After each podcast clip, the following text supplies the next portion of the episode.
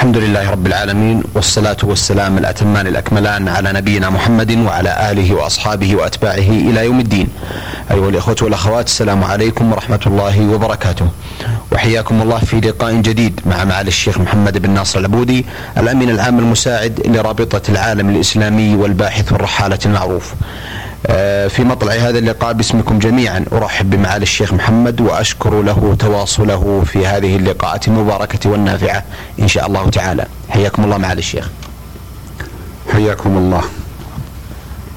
معالي الشيخ آه، كان حديثنا في اللقاء السابق عن زنجبار وتحدث معاليكم آه، بإسهاب وحديث ممتع وموثق عن تاريخ زنجبار عن نشأتها وعن آه، طبيعة سكانها وعن الأوضاع السياسية التي كانت عليها وآلت إليها الآن. آه، نواصل الحديث الآن بعد أن توقف الحديث في الحلقة الماضية عن انطلاق رحلتكم مع بعض المشايخ والزملاء بدعوة من حكومة تنزانيا آه، في ذلك الوقت. بسم الله الرحمن الرحيم.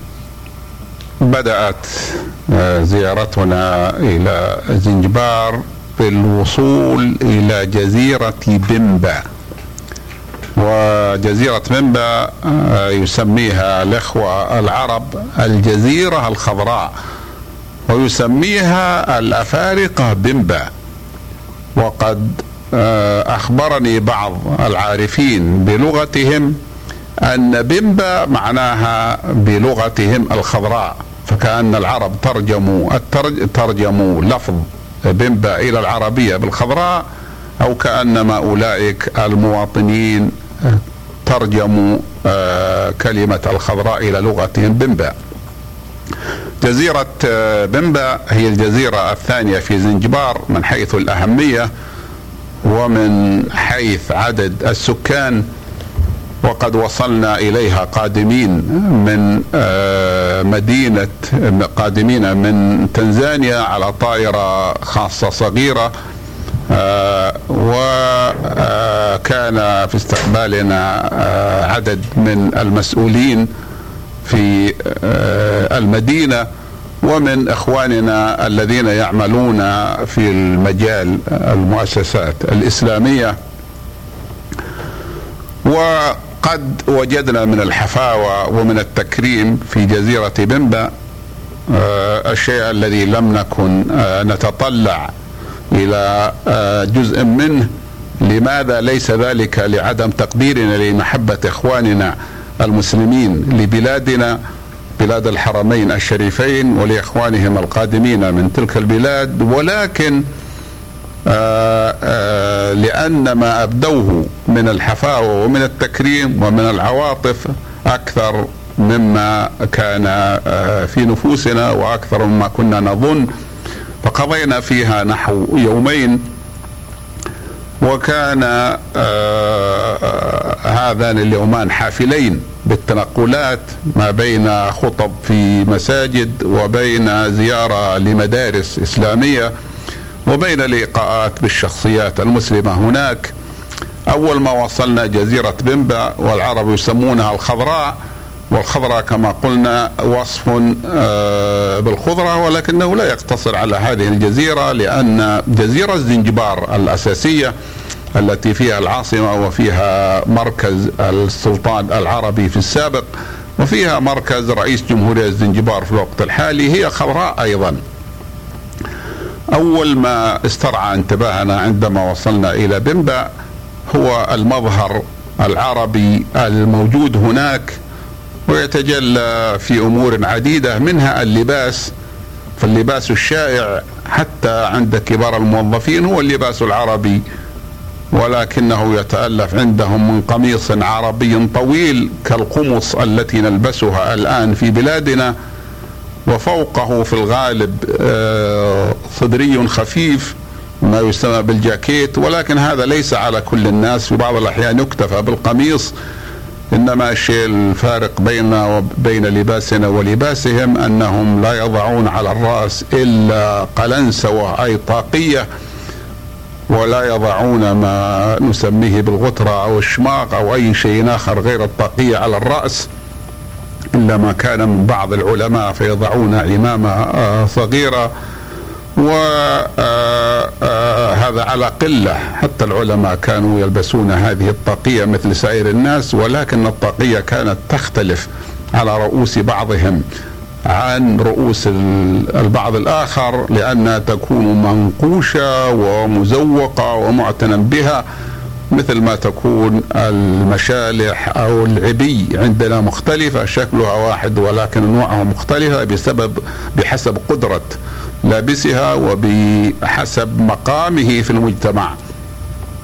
هذا مظهر من مظهر اللباس وهذا بالنسبة للرجال أما بالنسبة للنساء فإن المرء لا يكاد يفرق بينهن في الشارع على البعد وبين نسائنا إذا لم يرى بشراتهن, بشراتهن لماذا؟ لأنهن يلبسن عباءة سابغة مؤلفة في الأصل من قسمين القسم الأعلى النصف الأعلى آه على الرأس ثم ينزل إلى الكتفين ويستمر إلى نصف الجسم فيلتقي بالنصف الأسفل وهذا النصف الأسفل سابق جدا يصل إلى الكعبين ولذلك لا يرى المرء من المرأة التي تلبس هذه العباءات وهي اللباس الشائع عندهم إلا آه، شكلها آه، الخارجي. آه، ولا يعرف على البعد هل هي عربية أم هي زنجبارية إلا إذا قرب منها ورأى بشرتها بطبيعة الحال البشرة يغلب عليها السواد كما هي العادة في المنطقة. هذا مظاهر اللباس وهنالك أيضا مظاهر أخرى أو مظهر آخر ولكنه عجيب وغريب وهو يتمثل في اللغة السواحلية. وهذه اللغة نسبة إلى السواحل التي يراد منها ساحل أفريقيا الشرقي وساحل الجزر. سواحل الجزر الموجودة هناك وهي لغة اختلف العلماء هل هي عربية مؤفرقة أم أفريقية معربة؟ وذلك لكونها توجد فيها نحو من خمسين بالمئة أو يزيد قليلا على ذلك من الكلمات العربية. فأول ما نزلنا في المطار رأينا سيارة مكتوب عليها إدارة يا عافية. إدارة هي كلمة إدارة بالعربية وعافية هي كلمة عافية ولكنهم لا يريدون بالعافية ما يريدون بعض العامة هنا وإنما يريدون الصحة. فمكتوب على إدارة يا عافية بمعنى إدارة الصحة. كما نقول نحن وزارة الصحة أو مديرية آه، الصحة في كذا. وسيارة أخرى ورأينا مكتوبا عليها ثمني يا جاري. ثمني هي ثمن. بالعربية وجاري هي آه، السيارة ولكنها محرفة عن كلمة آه، كار. الإنجليزية وليست عربية. أما يا في الكلمتين إدارة يا عافية فهي تربط بين المضاف والمضاف إليه مثل ما تفعل كلمة أف بالإنجليزية وكلمة دي بالفرنسية في بعض المواضع. يبلغ سكان آه، جزيرة بمبا التي وصلنا إليها أول الأمر آه، مئتين وخمسة وثلاثين ألفا وكل أهلها مسلمون مثل أهل زنجبار. فلا يوجد في أهل زنجبار من أهلها الأوصلة من هو غير مسلم بل كلهم مسلمون وكلهم على المذهب الشافعي ولكن عصفت ببعض المتمعلمين وبعض تلاميذ الغربيين عاصفة الوطنية الهوجاء التي آه، جعلتهم يثرون على العرب كما تقدم. وعندما ذهبت تلك العاصفة الهوجاء رجع إخواننا الزنجبريون إلى عصرهم الإسلامي العريق فعادوا إلى افتتاح المدارس وكذلك عادوا إلى آآ آه، آآ آه، تقرير الثقافة الإسلامية في مدارسهم وتبلغ مساحة جزيرة منبع 640 ميلا فهي أضيق قليلا من جزيرة زنجبار وهي أيضا آه، آه، أقل آه، سكانا لأن جزيرة زنجبار سكانها نحو 350 ألفا وبذلك يبلغ سكان زنجبار نفسها التي تسمى جمهورية زنجبار في الوقت الحاضر وكانت مملكة عربية آه، باسم سلطنة. سلطنة زنجبار يبلغ سكانها نحو من 600 ألف. مجموع السكان وكلهم من المسلمين آه، كما قدمت معالي الشيخ محمد بعدها بعد هذا الاستطراد الجميل عن هذه الجزيرة بودنا أن تتكرموا بالإيضاح للإخوة المستمعين والمستمعات بأبرز المظاهر التي لاحظتموها وسجلتموها عن جزيرة زنجبار. لقد ذكرت المظهر المتمثل في اللباس وهنالك مظهر مهم جدا. يتمثل في الأرض والمراد بذلك أن هذه الجزيرة هي كاسمها جزيرة خضراء وهي بالغة الخضره وليست خضرتها خضرة أشجار وحشية أي نامية من دون أن تغرس وتزرع وتتعهد وإنما هي خضرة كثيفة من أشجار مفيدة مهمة جدا. فمن تلك الأشجار أشجار النارجيل والنارجيل كما نعلم من الممكن أن يسمى نخلة الاستواء. والمراد بالاستواء خط الاستواء لأن النارجيل لا يجود ولا يكثر إنتاجه إلا إذا كان تحت خط الاستواء أو قريبا منه. ولا بد من توفر شروط لإزدهار نخلة النارجيل منها وفرة الأندية والأمطار وكذلك وفرة الماء في الجو. ونخلة النارجيل كما قلنا هذا الوصف هو وصف من باب المجاز لأنها ليست نخلة وإنما هي شجرة لها صفة النخلة. فكثيرا ما استرعى انتباهنا وجود الأشجار النارجيل المتعانقة وشبهناها بفروع النخيل المتعانقة في بلادنا. ولكن نخلة التمر العربية المباركة لا يمكن أن ترقى إليها شجرة النارجيل بالنفع لأن النارجيل تنتج زيتا أول ما هو ماء أول ما ينضج التمر أول ما ينضج الثمر. ثمرها وهو المسمى جوز الهند يكون ماء يشرب عن الظما والعطش ثم بعد ذلك ينعقد إذا ترك في شجرته ويصبح زيتا يستعمل في الطبخ وفي الإدام وكذلك يستعمل للشعر. وأشجار النارجيل تكثر الفوائد منها مثل ما تكثر الفوائد من شجرة النخلة. كذلك فأقل ما فيها أن ثمارها بعد أن يستبعد. منها بعد أن يؤخذ منها النارجيل توضع في الماء مدة طويلة فتلين فتدق فتكون منها الحبال القوية التي تعرف بلادنا وتسمى الكمبار. هي كنبار بالنون وهذه الكلمة كنا نستعملها قديما لتلك الحبال ولكنها الآن قل استعمالها لأنها وجدت حبال أخرى من اللدائن وغيرها وأغنت عنها.